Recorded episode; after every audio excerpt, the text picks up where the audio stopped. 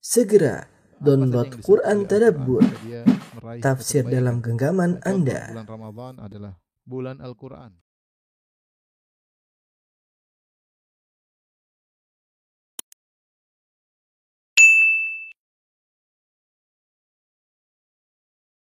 Bismillahirrahmanirrahim. Assalamualaikum warahmatullahi wabarakatuh.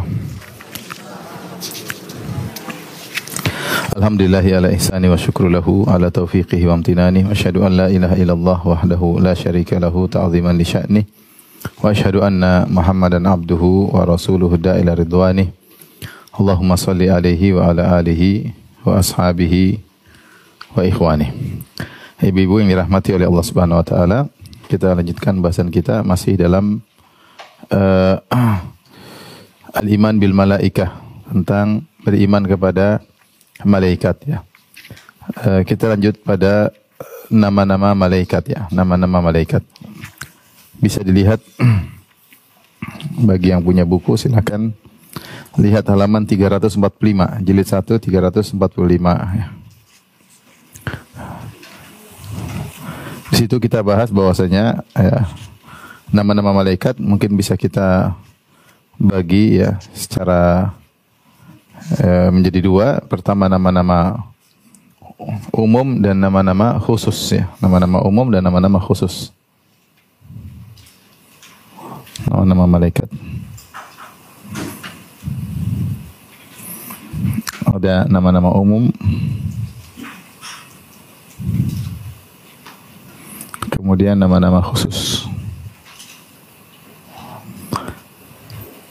Nama-nama khusus ini kita bisa bagi juga menjadi eh, dua ya.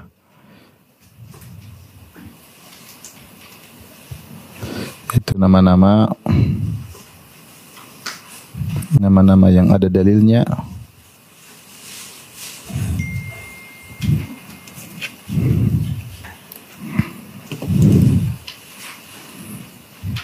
Dan ada nama-nama yang tidak ada dalilnya.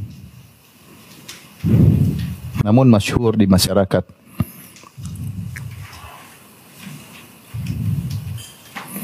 Nama-nama dalilnya kita juga bisa menjadi bagi dua, yaitu eh, nama-nama jama atau plural, mufrad ya, atau tunggal ya. Ini secara umum kita bagi ya eh, nama-nama malaikat. Tapi nama-nama malaikat nama-nama umumnya bisa dilihat seperti Allah menamakan dengan nama al-malaikah ya. Ada al-malaikah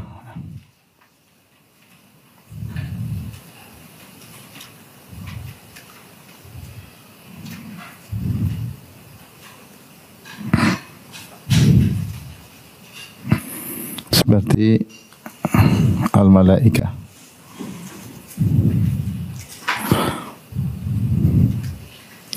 Kemudian juga al-malak. Ini di antara nama-nama yang yang ada juga al-malaul a'la ini sudah kita singgung kemarin al-mala al-a'la. Al-mala al-a'la maknanya adalah rombongan di eh, apa di tempat yang tinggi, kelompok yang tinggi ya. Kelompok yang tinggi. Karena eh, malaikat para malaikat kebanyakan mereka tinggal di langit sehingga mereka disebut dengan al-malaul a'la. Dan dalam hadis hadis qudsi kata Allah Subhanahu wa taala, "Faman dzakarani fi mala'in dzakartuhu fi mala'in khairan fi mala'in khairin minhu." Ya. Barang siapa yang menyebut berzikir kepadaku di hadapan suatu kelompok yaitu kelompok manusia, maka aku akan menyebutnya di depan kelompok yang lebih baik daripada kelompok tersebut yaitu aku akan menyebutnya di hadapan para malaikat. Kemudian juga disebut al-muqarrabun. Al-muqarrabun. Al-muqarrabun maknanya yaitu yang dekat, yang didekatkan. Yang didekatkan yaitu didekatkan kepada Allah Subhanahu wa taala. Ya, mereka dekat dengan Allah Subhanahu wa taala. Disebut juga dengan uh, as-safarah ya. As-safarah ya. Yaitu utusan al-ashhad ya. As-safarah yang artinya adalah utusan. Kemudian al-ashhad yang artinya adalah para saksi. Mereka akan menjadi saksi pada hari ini. Semua datang dalam dalil Al-Quran. Disebut juga dengan Ar-Rusul ya. Ar-Rusul yaitu para utusan. Para utusan. Ini nama-nama malaikat secara umum. Malaikat ada al-malaika, ada al-malak, al-malaul a'la, al-muqarrabun, as-safara, al-ashhad, ar-rusul ya. Kemudian kita masuk pada nama-nama khusus. Nama-nama khusus ada yang ada dalilnya dan ada pula yang tidak ada dalilnya. Yang tidak ada dalilnya yang sahih di antaranya misalnya malaikat Ridwan ya. Orang bilang malaikat penjaga surga namanya malaikat Ridwan. Namun dalilnya tidak ada ya. Yang ada Allah sebutkan khazanah. Faqala lahum khazanatuha. Maka berkatalah para penjaga surga. Allah menyebut para penjaga surga dengan khazanatuha ya. Demikian juga Israel ya.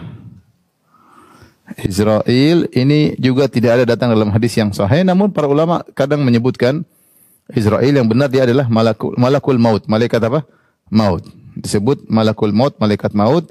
Namun tidak disebut dengan nama Israel. Ada juga disebut Ismail. Ini semua uh, tidak ada uh, dalilnya. Tapi nama-nama yang ada dalilnya secara khusus ya.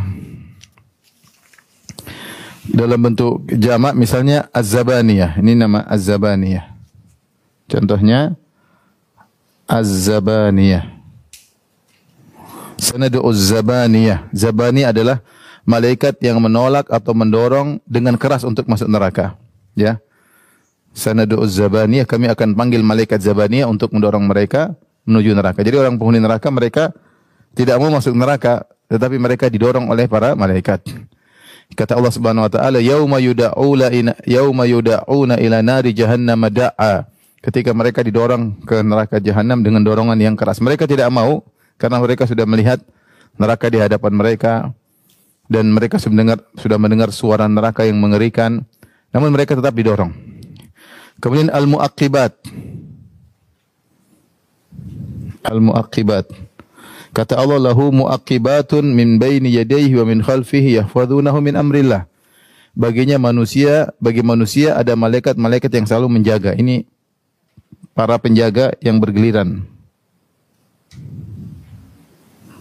Penjaga manusia yang bergiliran tugas. Disebut dengan apa? Al muaqibat ya. Ada disebut juga dengan al hafazah. Al hafazah yaitu para malaikat yang mencatat amal manusia. Para malaikat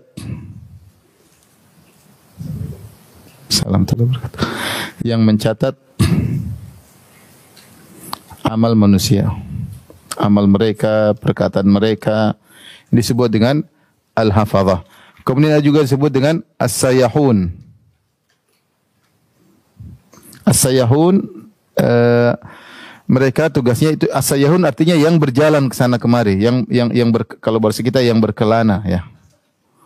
Berjalan ke sana kemari buat apa? Untuk mencari orang-orang yang uh, mengucapkan salam kepada Nabi sallallahu alaihi wasallam.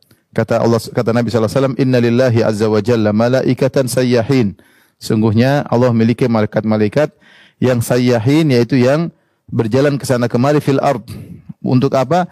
Yuballighuna min ummati salam. Kalau ada orang kasih salam, maka mereka ambil salam tersebut kemudian mereka sampaikan kepada Rasulullah sallallahu alaihi wasallam. Oleh karenanya sebenarnya mengatakan tidak perlu kita menitip salam kepada Nabi Shallallahu Alaihi Wasallam. Karena sebagian orang ketika ada yang umrah dia bilang tolong kalau kamu lagi ziarah kuburan Nabi sampaikan kepada Nabi ada salam dariku. Tidak perlu karena Nabi istimewa. Ada malaikat-malaikat yang akan menyampaikan salam. Ya kata Rasulullah SAW, fa inna fa inna taslimakum wa salatakum tablughuni haitsu kuntum. Sungguhnya salam kalian dan salawat kalian akan sampai kepadaku di mana pun kalian berada. Kenapa? Karena ada malaikat yang mengambil salam tersebut untuk menyampaikan kepada Nabi Shallallahu Alaihi Wasallam. Jadi tidak perlu kirim salam kepada Nabi Shallallahu Alaihi Wasallam. Kemudian juga di antara malaikat adalah Ar-Ra'du. Ar-Ra'du yaitu uh, disebut juga uh, para malaikat ya yang uh, apa namanya bertasbih memuji Allah ya. Ketika terdengar uh, guntur dan yang semisalnya disebut dengan ar-ra'd ya. Tapi ini di antara nama-nama malaikat yang adanya. Adapun yang mufrad yang seperti mungkar nakir ya. Mungkar dan apa? Nakir. Ini malaikat apa? Yang akan bertanya kepada setiap orang yang masuk dalam alam barzakh dengan tiga pertanyaan. Man rabbuk wa ma, wa madinuk wa man nabiyuk. Tiga pertanyaan yang tiga pertanyaan tersebut dikenal dengan uh, fitnah kubur, fitnatul kubur akan kita bahas pada saatnya insyaallah taala. Kemudian ada namanya Harut dan Marut. Harut dan Marut, yaitu dua malaikat yang Allah utus uh, ke muka bumi untuk menguji manusia. Wa ma yu'allimani min ahadin hatta yaqula innama nahnu fitnatun fala takfur. Tugas mereka menguji manusia yu'allimuna an-nasa sihar ya uh, apa namanya uh, ma yu'allimani min ahadin tidaklah tidaklah para malaikat tersebut dua malaikat ini mengajarkan sihir kecuali mereka berdua berkata kepada orang-orang jangan kalian kufur dengan belajar sihir kepada kami. Sungguhnya kami hanyalah fitnah hanyalah ujian. Malaikat tersebut namanya alal malakaini bi babil harut wa marut yang Allah pernah turunkan di negeri Babil. Babil adalah Irak sekarang atau dikenal dengan Babilonia ya. Allah pernah turunkan dua malaikat malaikat Harut dan Marut untuk menguji manusia. Kemudian eh, disebut dengan Malik, malaikat Malik, Malik penjaga neraka. Penjaga neraka. Dalam uh, dalam Al-Qur'an, "Wa nadaw ya Malik liyaqdi alaina rabbuk." Qala innakum makithun. Para penghuni neraka berkata, "Wahai Malik, biarlah Tuhanmu matikan kami saja." Mereka minta mati biarkanlah Tuhanmu yaitu Allah Subhanahu wa taala matikan kami. Kata malaikat Malik, innakum makithun. Kalian tidak bakalan mati. Kalian akan tetap di neraka selama-lamanya. Kemudian disebut juga dengan malakul maut. Malaikat maut. Malakul maut. Ini dalam Al-Qur'an uh, juga disebut uh, apa namanya? Uh, malakul maut ya. Yaitu malaikat yang mencabut nyawa, pencabut nyawa yang kalau malaikat ini datang maka tidak ada yang bisa menghalangi. Apakah bodyguard, apakah uh, batalion tidak akan bisa menghalangi. Makanya ketika malaikat maut datang kepada Nabi Daud alaihissalam tiba-tiba dia hadir di tengah kamarnya Nabi Daud. Maka Nabi Daud heran. Kata Nabi Daud alaihissalam, "Man anta siapa engkau?" Kata malaikat maut, "Anna alladhi la ahabul muluk wa la yamtani'u uh, minni ahad ya." Kama kalau dia berkata, aku adalah yang tidak pernah takut kepada raja mana pun dan tidak seorang pun bisa terlepas dari genggamanku. Kata Nabi Daud alaihissalam, "Idzan anta malakul maut." Kalau gitu engkau adalah malaikat maut. Hmm, karena kalau bukan malaikat maut mungkin bisa menghindar, bisa kabur, bisa ada yang menjaga. Tapi kalau malaikat maut datang, tidak ada yang bisa menjaga. Nah, seorang raja mau dijaga dengan bodyguard, bodyguardnya saja mati, apalagi rajanya ya. Oleh karenanya ini di antara malaikat yang namanya secara khusus, secara mufrad.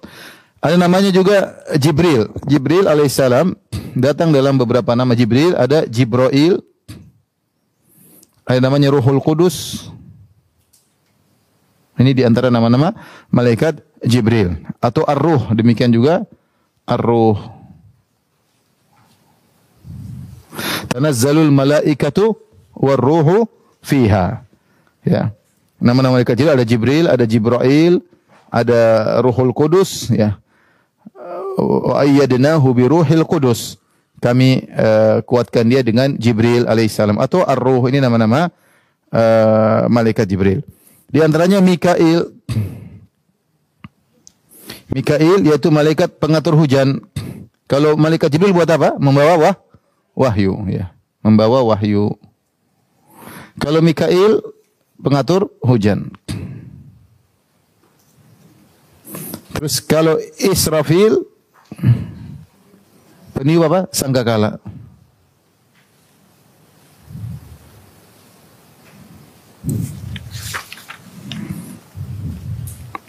Taib ini eh, di antara nama-nama malaikat dan tiga malaikat ini malaikat Jibril, Mikail, Israfil ini di antara malaikat-malaikat spesial tiga ini. Satu, dua, tiga.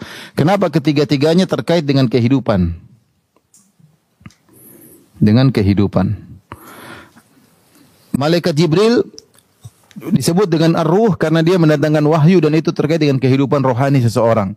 Kalau kita tidak ada wahyu, tidak ada Al-Quran, tidak ada sunnah, maka hati kita akan mati. Meskipun jasad hidup tapi hati kita ini mati, kolbu kita akan mati karena tidak ada siraman rohani. Oleh karenanya Jibril disebut ar-ruh di antaranya karena dia membawa kehidupan, membawa kehidupan bagi rohani manusia. Mikail menurunkan hujan, mengatur awan, mengatur hujan, dia mendatangkan kehidupan bagi secara fisik, bagi manusia secara fisik, bagi hewan-hewan, bagi bumi dengan adanya hujan. Tadinya bumi tandus kemudian terjadi kehidupan. Israfil membangkitkan manusia yang tadinya mati wa nufi, uh, thumma nufikha fihi ukhra fa. Kemudian Israfil meniupkan tiupan yang kedua, maka semuanya akan bangkit kembali. Maka tiga malaikat ini semua tugasnya terkait dengan kehidupan. Makanya Nabi SAW pernah berdoa dengan bertawasul dengan Rob dari tiga malaikat ini. Dalam hadis lihat halaman 354, Rasulullah SAW berdoa, uh, Allahumma Rabba Jibraila wa Mikaila wa Israfila فاطر السماوات والأرض عالم الغيب والشهادة أنت تحكم بين عبادك فيما كانوا فيه يختلفون اهدني لما اختلف فيه من الحق بإذنك إنك تهدي من تشاء إلى صراط مستقيم yaitu Rasulullah berdoa ya Rabbnya Jibril Allahumma ya Allah Rabbnya Jibril Rabbnya Mikail Rabbnya Israfil pencipta langit dan bumi yang mengetahui yang gaib dan yang nampak engkau yang menghukum di antara hamba-hambamu pada apa yang mereka perselisihkan Berilah petunjuk kepadaku dari perkara yang mereka perselisihkan kepada kebenaran dengan izinmu. Sungguhnya engkau beri petunjuk kepada siapa yang kau hendaki kepada jalan yang lurus. Ini doa penting kita baca ketika ada perselisihan, ada pertikaian. Kita minta kepada Allah agar diberi petunjuk, agar kita diberi hidayah kepada pendapat yang benar atau langkah yang benar. Ya, karena uh, ini uh, kita bertawasul di antaranya dengan Allah sebagai pencipta tiga malaikat yang agung ini karena tiga malaikat ini terkait dengan kehidupan. Ini secara singkat tentang nama-nama malaikat. Setelah itu kita lanjut tentang sifat-sifat malaikat. Sudah.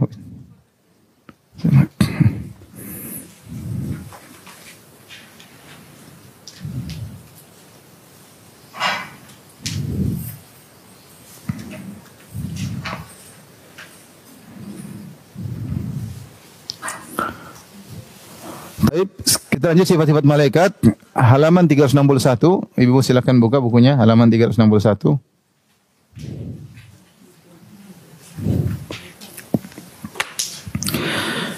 Sifat-sifat malaikat.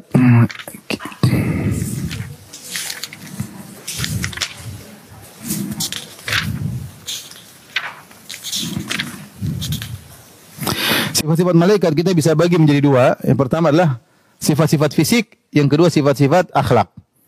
Malaikat punya fisik tertentu dengan sifat-sifatnya dan malaikat punya akhlak tertentu. Adapun sifat-sifat fisik lihat halaman 361 saya bacakan saja secara singkat. Pertama, malaikat secara fisik diciptakan dari cahaya. Dari cahaya. Khuliqatil malaikatu min nur, kata Nabi SAW, malaikat diciptakan dari cahaya. Wa khuliqal jan mimma min nar, wa khuliq Adam mimma wasifa lakum. Ya. Sifat-sifat malaikat. Yang pertama, sifat-sifat fisik. Yang kedua adalah sifat-sifat perangai, sifat-sifat akhlak. Di antaranya adalah tercipta dari cahaya.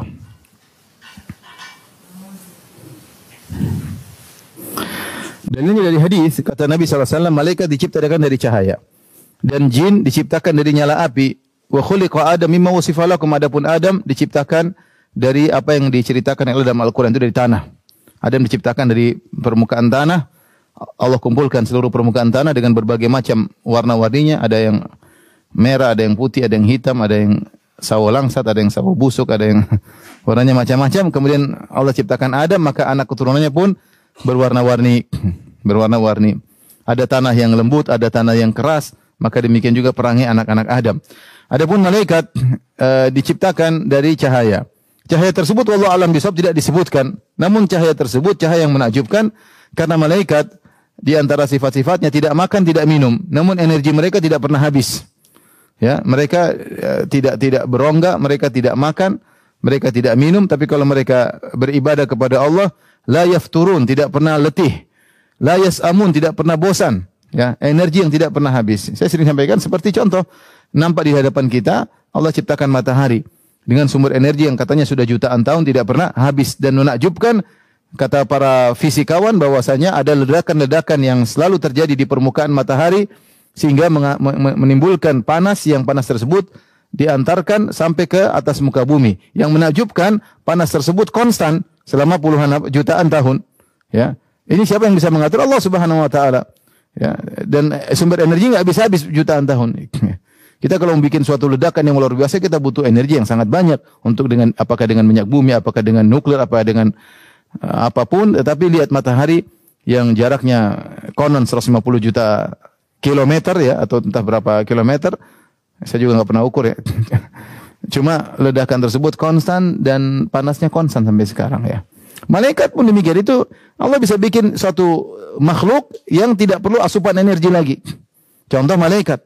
Cahaya dari apa? Allah alam mudah bagi Allah tinggal kun fayakun. Kita manusia perlu makan, perlu minum, ya. Uh, perlu makan dan perlu minum dan yang lainnya. Nanti kalau manusia diciptakan kembali kedua kali, kalau mereka masuk surga, maka mereka akan diciptakan seperti itu, tidak perlu makan dan tidak perlu apa? minum. Mereka makan dan minum bukan karena lapar, tapi karena untuk berlezat-lezat. Apakah itu mungkin? Mungkin. Malaikat saja demikian, tidak makan, tidak minum, tapi aktivitasnya tiada hentinya. Ya, Allah mengatakan fasabiqati sabqa. Bagaimana cepatnya malaikat ya. Bergerak dari langit langsung turun ke bumi kembali lagi lapor kepada Allah turun lagi ke bumi. Cepat luar biasa. Kecepatannya luar biasa. Kalau ada mayat yang meninggal ruhnya dicabut dibawa ke langit diturunkan ke bawah dengan gerakan yang luar biasa malaikat Jibril dengan sayapnya kemudian mengangkat uh, negeri kaum Lut kaum Sodom kemudian di, di, dengan satu sayapnya malaikat Jibril jadi maksud saya tercipta dari cahaya apa wallahu alam kita tidak tahu cahaya cahaya apa ini tidak ada yang tahu cahaya apa Ya, nggak ada yang yang tahu. Adapun ya, uh, hadis yang jadi yang makhluk yang diciptakan dari cahaya adalah siapa? Malaikat. Jin bukan, jin dari nyala api. Adam dari apa? Tanah. Dari sini kita tahu bahwasanya tidak benar hadis palsu yang menyatakan bahwasanya Rasulullah SAW menciptakan dari cahaya Allah Subhanahu wa taala. Ini ada pembahasan khusus dan ini ada serempet-serempet pada kesyirikan. Saya pernah bahas pada pembahasan yang lebih spesifik ya. Baik, kemudian di antara uh, fisik malaikat adalah mereka ruhani ya, ruhani. Uh, makhluk berupa ruh-ruh ya. Uh, ruhani uh, kemudian mereka apa namanya? tidak makan, tidak minum ya. Rohani tidak makan, tidak minum. Makanya ketika malaikat datang menjelma kepada Nabi Ibrahim alaihissalam, maka Nabi Ibrahim alaihissalam qala salamun qaumun munkarun. Mereka mengatakan salam, assalamualaikum wahai Ibrahim. Ibrahim menjawab salamun qaumun munkarun. Assalamualaikum juga kepada kaum yang saya tidak kenal. Apa yang dilakukan Nabi Ibrahim alaihissalam? Faraga ila ahli faja'a bi'ijlin samin. Ibrahim memuliakan tamunya, ini tamu dia tidak pernah dia kenal sama sekali. Maka dia pun segera pergi ke eh, belakang kemudian dia nyembelih nyembelih sapi, kemudian dia panggang, kemudian dia hidangkan kepada malaikat-malaikat tersebut karena memuliakan tamu ya. Ini sifat Ibrahim alaihissalam. Dia muliakan tamu yang tidak pernah dia kenal sebelumnya. Ya. Dan dia tidak potong ayam atau ceplok telur enggak. Nabi Ibrahim alaihissalam menyembelih apa? Sapi. Dia hidangnya cari pahala dari Allah Subhanahu wa taala. Ya. Faqarrabahu ilaihim qala ala ta'kulun. Dan di antara di antara akhlak Nabi Ibrahim, dia dekatkan makanan tersebut ke malaikat supaya mereka enak kalau makan. Kalau masih jauh kan nggak enak nggak enak. Ya, dihidangkan begitu saja bagus. Cuma lebih daripada itu Ibrahim alaihissalam bukan cuma menghidangkan, dia mendekatkan makanan tersebut kepada para malaikat. Ternyata malaikat tidak makan. Ketika tidak makan, fa'au jasaminhum khifa dia pun takut. Ini siapa kok tidak makan? Enak sudah saya bikin setengah mati, enak-enak tidak dimakan. Qalu la takhaf, jangan kau khawatir sungguhnya kami ini apa? utusan Allah Subhanahu wa taala. Jadi malaikat tidak makan, tidak tidak minum. Kemudian memiliki sayap. sayap Allah sebutkan bervariasi. Ada sayapnya dua, ja'ilil malaikati rusulan uli ajnihatin masna wa thulatha wa ruba fil khalqi ma yasha. Allah menjadikan malaikat ada yang sayapnya dua, ada yang sayapnya tiga, ada yang sayapnya empat, dan ada yang lebih daripada itu sampai malaikat Jibril sayapnya 600 sayap ya. 600 sayap. Kata Nabi SAW, Walahu situ mi'ati janahin, kullu janahin minha qad saddal ufuq. Malaikat Jibril pernah menampakkan bentuk aslinya kepada Nabi SAW dua kali. Di angkasa, kemudian dia membentangkan sayapnya. 600 sayap dengan penuh keindahan. Ketika sayapnya dibuka, begitu banyak warna-warni. Begitu, pokoknya indah sekali. Sampai saat sayap dibuka, bisa menutup cakrawala. Bisa menutup apa? Cakrawala. Ya. Itu makhluk yang Allah ciptakan. Malaikat apa? Jibril alaihissalam. Dan dalil tentang bahwasanya malaikat punya sayap sangat sangat banyak. Kemudian malaikat punya tangan ya. Dalam Al-Qur'an disebutkan uh, wal malaikatu basitu aydihim akhriju anfusakum. Para malaikat membentangkan tangan mereka memukuli ruh-ruh para pelaku maksiat dan orang kafir. Kata para malaikat, akhriju anfusakum, keluarkanlah jiwa kalian. Ini hal yang gaib, tidak kita tidak lihat. Tapi orang yang pelaku maksiat atau orang kafir ketika dicabut nyawanya mereka disisa oleh malaikat namun kita tidak lihat karena itu masalah gaib. Di antaranya malaikat punya jantung. Lihat dalam Quran surat Saba ayat 23 ya. Lihat halaman di buku halaman 366. Kata Allah Subhanahu wa taala hatta idza fuzza an qulubihim qalu madza qala rabbukum qalu al-haqqa huwal aliyyul kabir. Disebutkan ketika Allah berfirman terdengar suara Allah yang begitu menusuk akhirnya malaikat pun pingsan mendengar suara Allah Subhanahu wa taala. Kemudian hatta idza fuzi an qulubihim ketika dicabut rasa takut dari jantung-jantung mereka, dari kolbu-kolbu mereka. Jadi mereka punya kolbu, mereka punya jantung. Namun tentunya jantung mereka tidak sama dengan jantung apa manu? manusia. Saya sering sampaikan ya. Ini menunjukkan antara makhluk saja berbeda ya. Kita saja mata kita dengan mata lalat beda, mata lalat mata faset namanya. Kita matanya beda ya. Uh, adapun uh, kalau mata kita macam-macam, mata lelaki apalagi ada mata jelalatan, ada mata keranjang. kalau kalau kalau apa namanya lalat mata faset ya.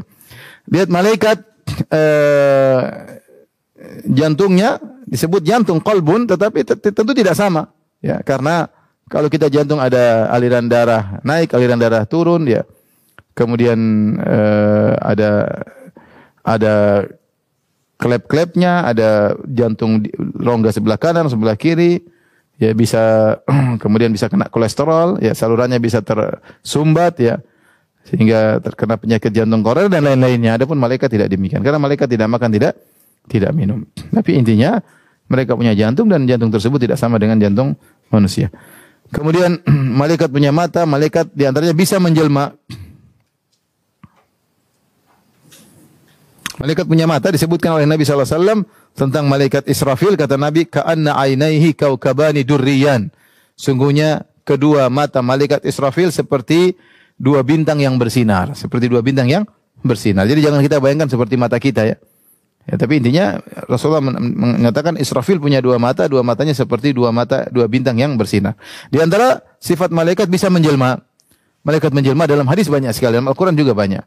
Di antaranya malaikat menjelma Contohnya malaikat Jibril menjelma di hadapan Maryam menjadi uh, fatamattsala lahu basyaran sawiyah ya. Maka jadilah dia lelaki yang sangat tampan di hadapan Maryam. Namun Maryam akhirnya uh, menegurnya ya. Kemudian contohnya malaikat Jibril uh, dan sebagian malaikat yang lain datang menemui Nabi Ibrahim tadi dalam bentuk tamu-tamu. Kemudian mereka juga menjelma menjadi tamu-tamu untuk datang ke malaikat Nabi Lut alaihissalam menjadi para lelaki yang sangat tampan. Ya, sangat tampan sampai penghuni kota Sodom tergila-gila kepada mereka mendengar ketampanan para malaikat tersebut. Pada malaikat tersebut menjelma. Ya menjelma sehingga mereka pun segera berdesak-desakan dengan semangat menuju ke rumah Nabi Lut untuk minta agar Nabi Lut alaihissalam menyerahkan tamu-tamu tersebut. Ya, ternyata itu malaikat datang untuk mengirimkan apa? Azab. Tapi mereka menjelma jadi laki-laki yang yang tampan-tampan. Kemudian juga malaikat Jibril sering menjelma menjadi Dihya Al-Kalbi. Dihya Al Al-Kalbi ya. Seorang sahabat namanya Dihya Al-Kalbi. Malaikat Jibril kalau menjelma sering menjadi sosok ini, Dihya Al-Kalbi ya. Kemudian malaikat Jibril juga pernah menjelma menjadi seperti seorang Arab Badu yang datang kepada Nabi sallallahu alaihi wasallam kemudian tiba-tiba duduk di hadapan Nabi sallallahu alaihi wasallam sehingga para sahabat bingung, ini siapa orang ini? Ya. Eh, la yura alaihi safar, asaru safar, wa la ya'rifuhu minna ahad. Tidak ada bekas safarnya. Kalau dia orang jauh pasti ada bekas safarnya, entah debu, entah apa semerawut. Tapi kalau dia tidak bersafar tiba-tiba muncul kok tidak ada yang kenal. Aneh, kalau dia orang jauh harusnya ada bekas tanda safar. Kalau dia orang dekat kok tidak ada yang kenal. Di akhir hadis Rasulullah SAW mengatakan hadza Jibril atakum yuallimukum dinakum. Sungguhnya ini tadi malaikat Jibril datang kepada kalian untuk mengajarkan kepada kalian perkara agama.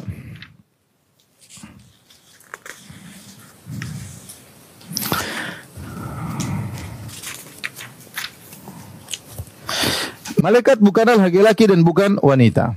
Dia tidak berjenis kelamin ya, sehingga tidak beranak pinak, tidak ada menikah. Beda dengan manusia, beda dengan jin. Manusia beranak pinak, jin beranak pinak, ada pernikahan ya. Adapun malaikat tidak ada pernikahan dan mereka bukan laki bukan perempuan. E, kemudian di antaranya malaikat juga mati ya.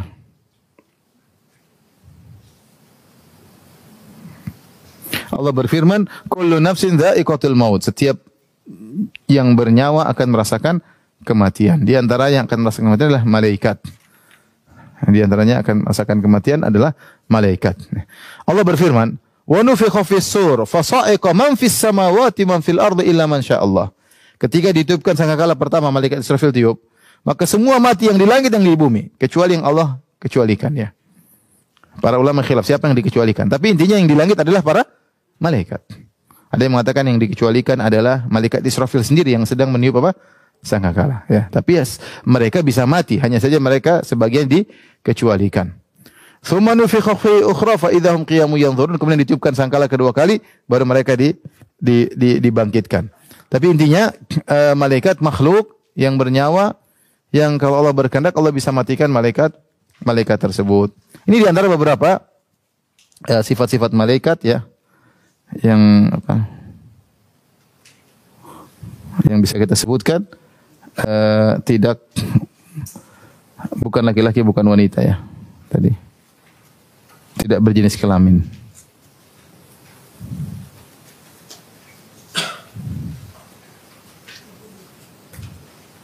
tidak nikah beranak pinak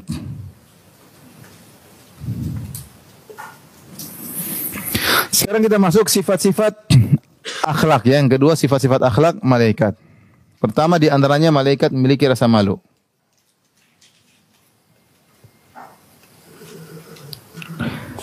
Uh, di antara dilakukan hal ini dalam hadis Aisyah menceritakan ya suatu hari Rasulullah SAW sedang berbaring di rumahnya terlihat tersingkap dua paha Nabi SAW atau terlihat dua betis Nabi Wasallam. Lalu Abu Bakar minta izin untuk masuk ke rumah, maka Rasulullah SAW mengizinkan. Abu Bakar masuk dan Rasulullah dalam kondisi demikian masih terlihat kedua betisnya. Fatahaddatha kemudian Rasulullah ngobrol dengan Abu Bakar. Kemudian datang Umar minta izin masuk. Dan Rasulullah masih berbaring dalam kondisi dua betisnya tersingkap. Kemudian Umar minta izin, diizinkan juga. Kemudian Rasulullah dalam tetap tidak berubah kondisinya dan ngobrol dengan Umar bin Khattab radhiyallahu taala anhu. Kemudian summa sta'zana Utsman. Kemudian Utsman minta izin untuk masuk rumah. Diizinkan. Ketika Utsman masuk, Rasulullah SAW duduk. Sehingga betisnya tadi yang tersingkap tertutup atau pahanya yang tersingkap tertutup. Wasawwa bahu dia rapikan bajunya. Kemudian dia duduk. Kemudian Utsman datang, Rasulullah ngobrol dengan Utsman. Tatkala uh, Abu Bakar sudah keluar, Umar sudah keluar, Uthman sudah keluar, Aisyah bertanya, "Ya Rasulullah, tadi Abu Bakar datang, engkau biasa-biasa saja, ya. Kau tidak perbaiki bajumu, ya. Kemudian Umar pun datang, kau pun dalam kondisi demikian, kau tidak apa namanya? Uh, tidak memperbaiki uh, apa namanya? Uh, engkau pun bisa biasa saja, tidak memperbaiki bajumu. Kemudian datang Utsman, engkau duduk dan kau perbaiki bajumu apa kata Nabi wasallam? Ala astahi min rajulin tastahi minhul malaikah? Tidakkah aku malu kepada seorang yang malaikat malu kepadanya? Jadi malaikat malu kepada siapa? Umar. Eh, kepada Utsman. Sehingga Rasulullah SAW juga malu kepada Utsman. Kenapa malaikat malu kepada Utsman? Karena perangnya yang luar biasa, akhlaknya yang luar biasa. Ya, Utsman bin Affan radhiyallahu taala anhu. Orangnya selalu husnuzon ya pada yang lain ya. Baik, kemudian di antaranya ini malaikat rasa malu sebagaimana malaikat malu kepada siapa? Utsman.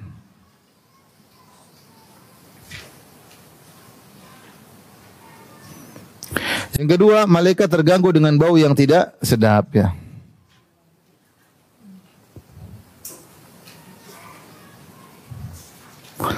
Rasulullah SAW melarang seorang kalau sudah makan uh, bawang merah atau bawang putih atau kurras yaitu daun bawang untuk datang ke masjid. Kata Rasulullah kenapa? Ya, fa innal malaika yata'adza mimma yata'adza minhu banu Adam bawang bakung ya, keras itu bawang bakung ya.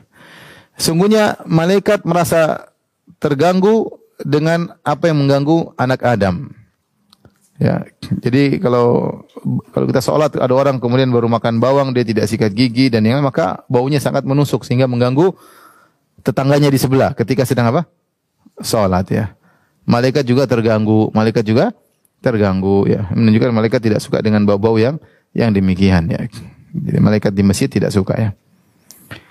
Kemudian di antaranya uh, malaikat tidak masuk di rumah yang ada anjing dan patung ya. Malaikat apa ini? Malaikat rahmat.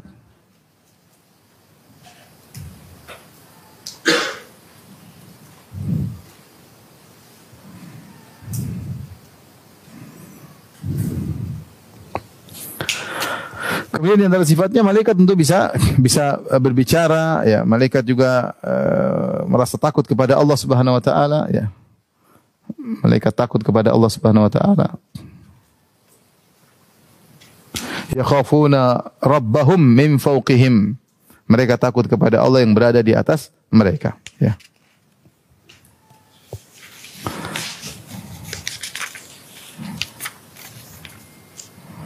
Di antaranya uh, malaikat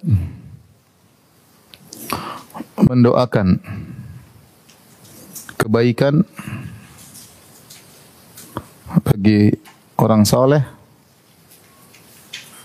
dan mendoakan keburukan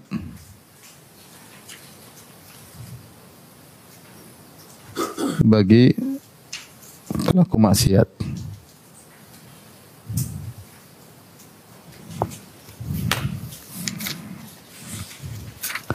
Ini di antara uh, apa namanya sifat-sifat malaikat, di antara sifat-sifat malaikat.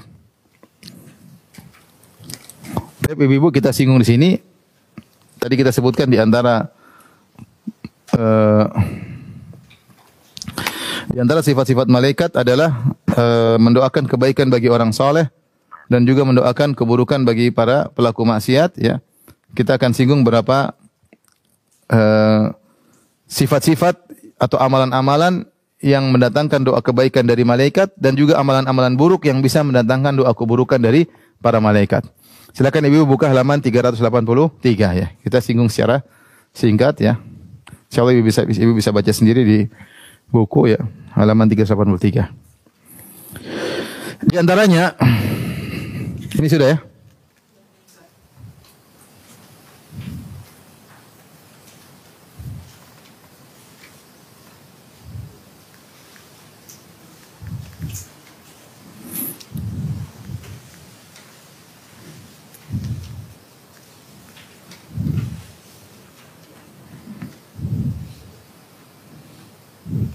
Amalan-amalan yang mendatangkan doa kebaikan dari malaikat. Doa kebaikan malaikat.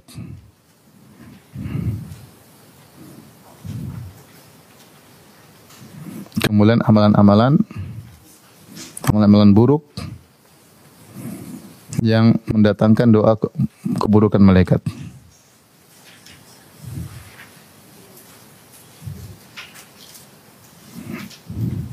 Dari malaikat. Ya, perhatikan. Amalan-amalannya apa saja? Ya, banyak ya. Pertama, Adapun amalan-amalan yang mendatangkan doa kebaikan dari malaikat adalah bertobat. Bertobat yang tulus ya. Ya. Allah memerintahkan untuk taubatan nasuha yaitu taubat yang yang tulus yaitu benar-benar bertobat. Makanya Allah sebutkan di antara keistimewaan orang yang e, bertobat dengan meluruskan niatnya kalau dia berhijrah dia berhijrah dengan benar ya. Bosnya mereka didoakan orang-orang seperti didoakan oleh para malaikat. Allah berfirman dalam surat Ghafir ya, ayat 7 sampai 9 alladzina yahmiluna al-arsya wa man hawlahu yusabbihuna bihamdi rabbihim wa yu'minuna bihi wa ladzina amanu Rabbana wasi'ta kulla syai'in rahmatan wa ilma faghfir tabu. Dan para malaikat yang memikul arsy Allah dan para malaikat yang berada di sekitar, sekitar arsy Allah, mereka bertasbih kepada Allah, memuji Allah dan mereka beriman kepada Allah dan mereka memohon ampunan bagi orang-orang yang beriman. Mereka berkata, "Ya Rabb kami, sungguhnya rahmatmu dan ilmumu meliputi segala sesuatu. Faghfir lil ladzina tabu." Ampunilah orang-orang yang yang bertobat. Ya wattaba'u sabilaka wa qim adzabal jahim dan jauhkanlah mereka dari azab neraka jahanam. Kemudian malaikat lanjutkan doanya, Rabbana wa adkhilhum jannati adin lati wa'adtahum. Ya Allah, masukkanlah mereka ke dalam surga Aden yang telah kau janjikan kepada mereka. Masukkan pula orang-orang yang soleh dari bapak mereka, dari istri mereka, dari anak-anak mereka. Ini doa para malaikat kepada orang yang bertobat dengan tobat yang tulus ya, tobat nasuha.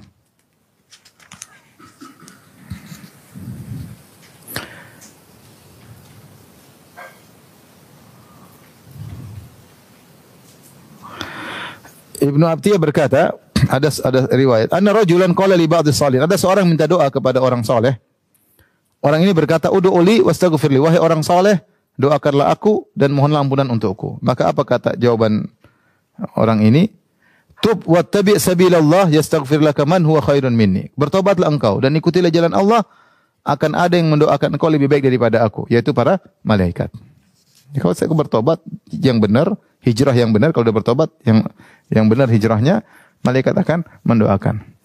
Yang kedua bersedekah. Hadis yang masyhur, "Ma min yaumin yusbihul ibadu fi" tidak ada suatu hari di pagi hari kecuali illa malakani yanzilan, kecuali dua malaikat yang turun. Fayaqulu ahaduhuma salah satu malaikat berkata, "Allahumma atimun fikan khalafan." Ya Allah berilah ganti kepada orang yang berinfak, yang bersedekah. Wa yakul akhar, Allahumma ati mumsikan talafan. Ya Allah berikanlah kerusakan, kebinasaan bagi orang yang pelit. Ini setiap subuh ada dua malaikat yang berdoa. Namun jangan disalahpahami sering saya sampaikan ini, ini bukan berarti dalil bersedekah harus subuh-subuh, enggak. Ini malaikat sejak pagi berdoa, siapa pun yang bersedekah mau siang, mau sore, mau malam terserah, tapi dia dapatkan doa dari malaikat sejak apa? Sejak pagi. Bukan harus subuh-subuh, habis sholat subuh cari apa? Sedekah. Ya kalau nggak ada orang belum bangun, orang miskin belum bangun, Artinya sedekah kapan saja. Ini ini orang salah apa mengatakan ada sedekah subuh. Enggak, enggak. Ini bukan dalil. Artinya sedekah kapan saja. Bukan berarti kalau enggak subuh enggak dapat doa ini. Enggak benar. Ini maksudnya malaikat sejak pagi sudah apa men? mendoakan. Bagi siapa yang bersedekah hari itu, mau sedekah pagi, mau sedekah siang, mau sedekah duha, mau sedekah sore, malam dapat doa malaikat tersebut. Sebenarnya salah apa mengatakan harus pagi-pagi supaya didoakan apa? Malaikat. Terus kalau sudah duha, sudah lewat. Hanya pada subuh cari orang, cari orang. Ya. Anak yatim belum bangun, janda-janda susah belum ada, belum ada orang. semua berserah sama siapa? Ya. Orang biasanya baru muncul ketika waktu duha. Ya. ya. Dia beraktivitas mau transfer juga mau ke mana kan biasanya waktu duha. Jadi tapi kalau bisa sejak pagi bersedekah oke, okay, tapi tidak ada dalil bahwasanya afdoliyah untuk bersedekah di waktu su subuh nggak ada ya. Yang sedekah ya ketika ada yang di depan kita membutuhkan kita sedekah. Tidak harus waktu subuh. Tapi ini dalil bahwasanya malaikat sejak subuh sudah men mendoakan. Mengenai siapa saja yang doa ini mengenai siapa saja yang bersedekah, mau pagi, mau siang, mau malam, dia bersedekah didoakan malaikat sejak pagi hari.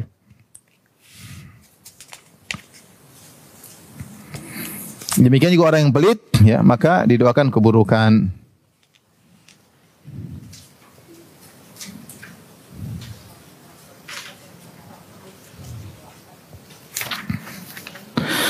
Kemudian antaranya bagi laki-laki saf salat di saf pertama.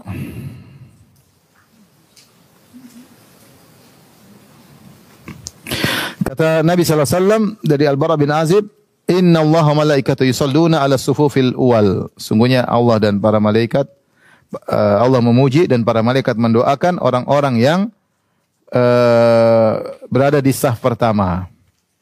di saf pertama. Ya. Kemudian menyambung saf yang terputus.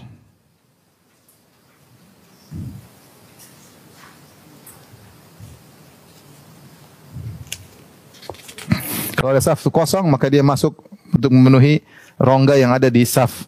Inna Allah malaikatu yusalluna ala alladhina yasiluna sufuf. Sungguhnya Allah memuji orang-orang yang menyambung saf-saf dan para malaikat mendoakan eh, orang-orang uh, yang menyambung saf. Wa man sadda furjatan rafa Allahu biha darajah. Siapa yang menutupi kerenggangan, Allah angkat angkat derajatnya. Jadi kalau ada orang batal keluar kita maju menutupi apa? rongga tersebut. Bahkan kata Imam Nawawi rahimahullah taala, kalau kita berada di saf ketiga, kemudian ada saf dua, saf pertama. Saf pertama ada yang kosong, ternyata dari saf dua nggak ada yang maju-maju. Kita boleh menembus saf kedua untuk memenuhi eh, menutupi lubang yang ada di saf pertama. Boleh. Harusnya saf yang kedua yang maju, tapi kalau nggak ada ya kita boleh maju.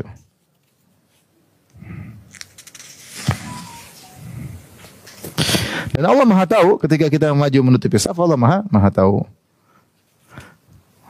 Kemudian yang kelima di antaranya senantiasa berada tempat sholatnya setelah selesai melaksanakannya itu.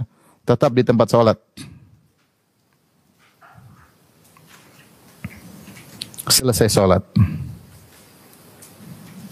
Ini juga ya.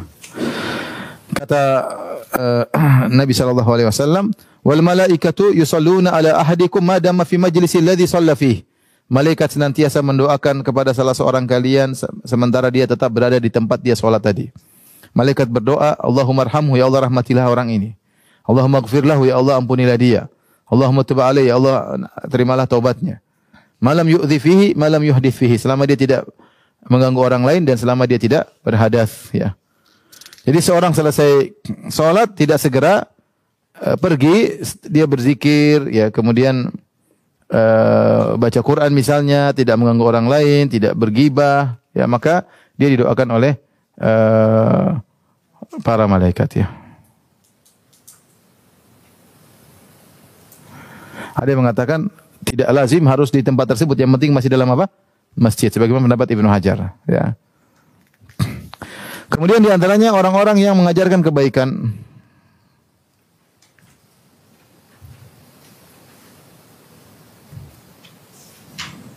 Ini di antara yang didoakan oleh malaikat.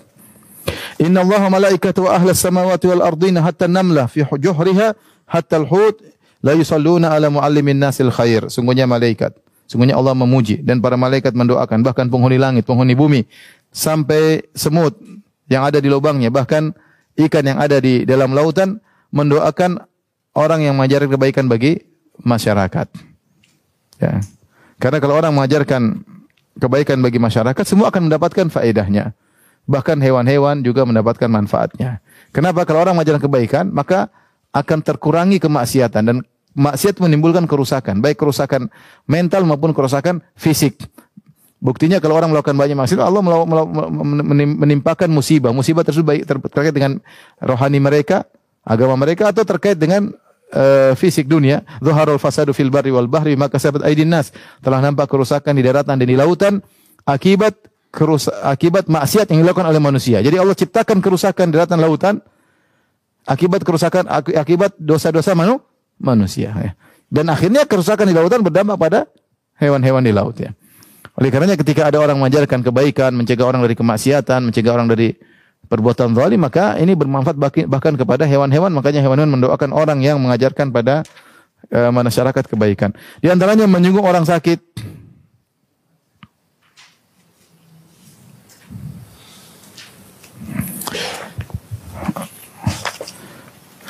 kemudian uh, mendoakan saudara tanpa sepengetahuannya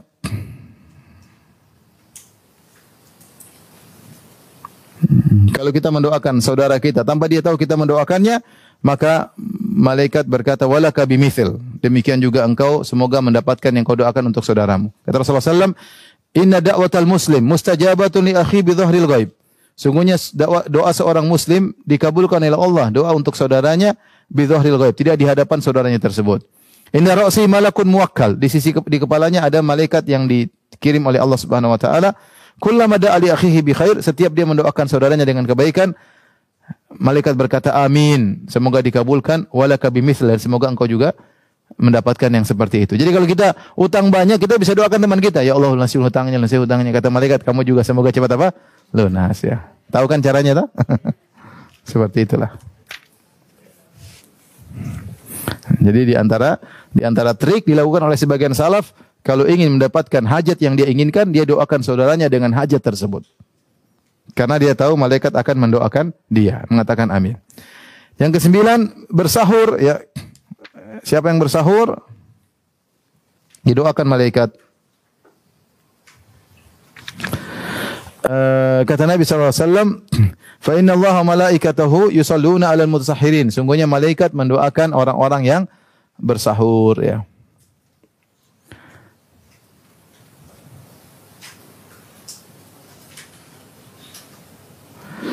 Baik, di antaranya berdoa kepada Allah ketika mendengar suara ayam berkokok di waktu subuh.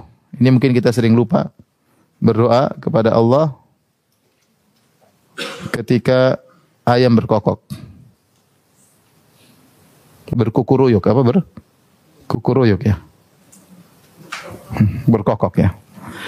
Dalam hadis Rasulullah SAW bersabda Idza sami'tum siyahad dikah diakah maksudnya ini apa namanya? Ayam jago ya. Jika engkau mendengar ada ayam berkokok fas'alullah min fadlihi maka mintalah karunia dari Allah. Fa innaha ra'at malakan karena dia sedang melihat apa? Malaikat. Apa hubungannya? Al-Qadiyat menjelaskan diharapkan ketika kau berdoa malaikat mengaminkan. Malaikat apa? Mengaminkan. Sehingga doamu didoakan oleh malaikat juga diaminkan. Kadang kita keluar subuh atau selesai salat subuh kita dengan ayam berkokok, kita kita langsung berdoa as'aluk as'aluka min fadlik. Apa? As'aluka min fadlik. Ya Allah aku, mohon karuniamu. Allah kasih karunia apa terserah. Yang penting kita minta sama Allah dengan harapan malaikat ikut mengaminkan.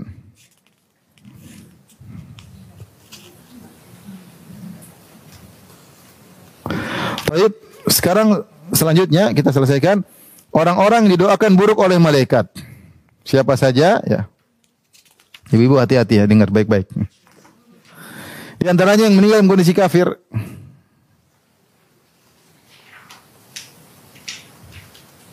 Dalam kondisi kafir. Dalilnya dalam surat Al-Baqarah ayat 161 162 Kata Allah innal ladzina kafaru wa matuhum kuffarun ulaika alaihim la'natullahi wa malaikatihi wan nasi ajmain. Sungguhnya orang-orang yang kafir kemudian meninggal dalam kondisi kafir, mereka itulah orang-orang yang dilaknat oleh Allah, dilaknat oleh malaikat. Apa dilaknat malaikat? Maksudnya didoakan oleh malaikat dijauhkan dari rahmat Allah Subhanahu wa taala. Ya. Kemudian orang-orang yang murtad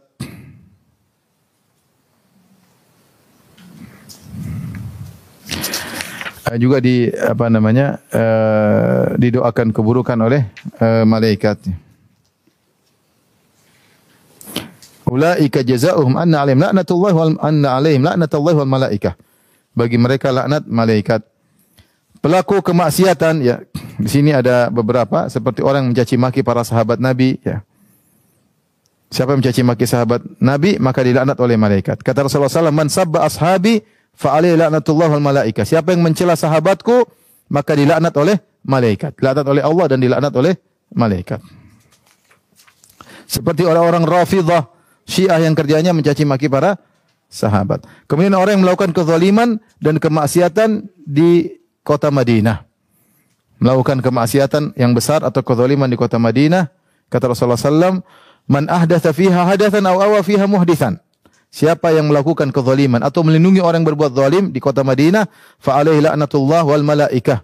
Maka baginya laknat Allah dan laknat para malaikat. Kemudian di antaranya menzalimi penduduk kota Madinah, ya, berbuat zalim kepada penduduk kota Madinah. Kata Rasulullah SAW, Allahumma man zalama ahlal Madinah wa akhafahum fa akhifhu Ya Allah, siapa yang membuat berbuat zalim kepada penduduk kota Madinah dan membuat mereka takut, maka jadikanlah dia takut. Wa alaihi la'natullah wal malaika dan bagi dia laknat Allah dan laknat para malaikat. Ya. Kemudian di antaranya orang yang mengaku nasab palsu. Ini juga dilaknat oleh malaikat. Manidda'a ila ghairi abi. Siapa yang mau mengaku dia keturunan seorang yang bukan itu bukan ayahnya. Awintama ila ghairi mawali atau dia berintisab berafiliasi kepada selain tuannya fa alaihi laknatullah maka bagi dia laknat uh, apa namanya Allah Subhanahu wa taala al-mutatabi'ah yang berterus-terusan sampai hari kiamat kelak ya.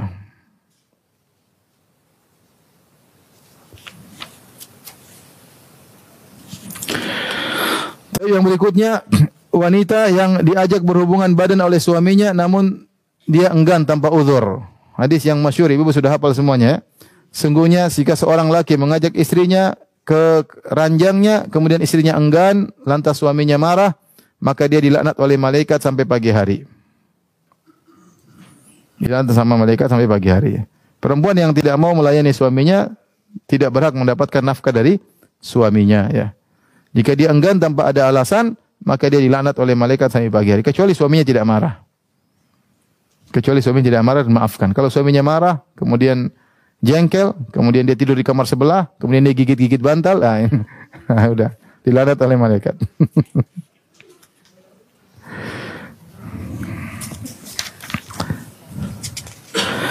Kemudian orang yang mengarahkan senjata kepada saudaranya sama muslim. Jadi nakut-nakutin orang pakai senjata. Entah pakai senjata betulan atau pakai pedang, tidak boleh. Man asyara ila akhihi bihadidatin fa innal malaikata tal'anuhu. Siapa yang mengarahkan pedang kepada saudaranya, benda tajam besi, maka malaikat melaknatnya.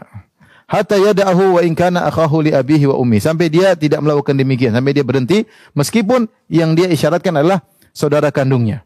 Saudara kandungnya ya.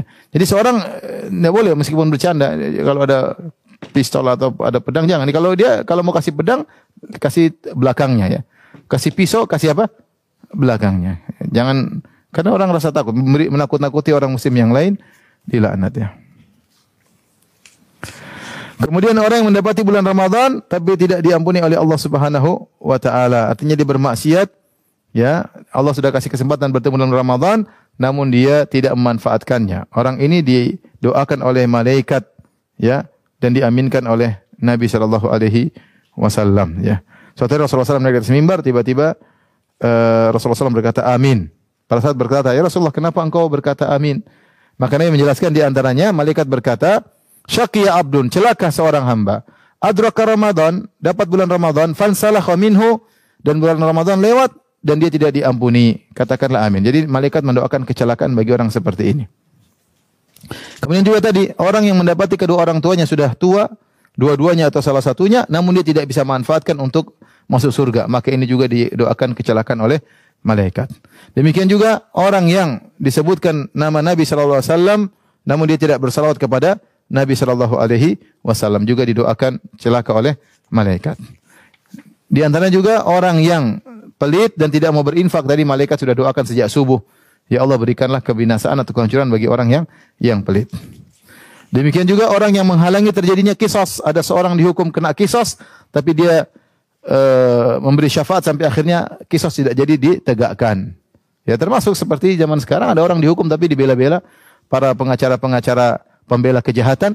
Mereka ini di dilaknat oleh malaikat. Yang harusnya ditegakkan hukum maka dibela-bela. Sehingga akhirnya dilaknat oleh malaikat. Dapat duit berapa sih? Tapi dilaknat oleh malaikat. Tapi demikian ibu yang dirahmati Allah Subhanahu wa taala eh, terkait dengan masalah ini insyaallah kita lanjutkan pada kesempatan yang lain. Baik, demikian saja kajian kita. Subhanakallah bihamdik asyhadu alla ilaha anta astaghfiruka wa atubu. Assalamualaikum warahmatullahi wabarakatuh.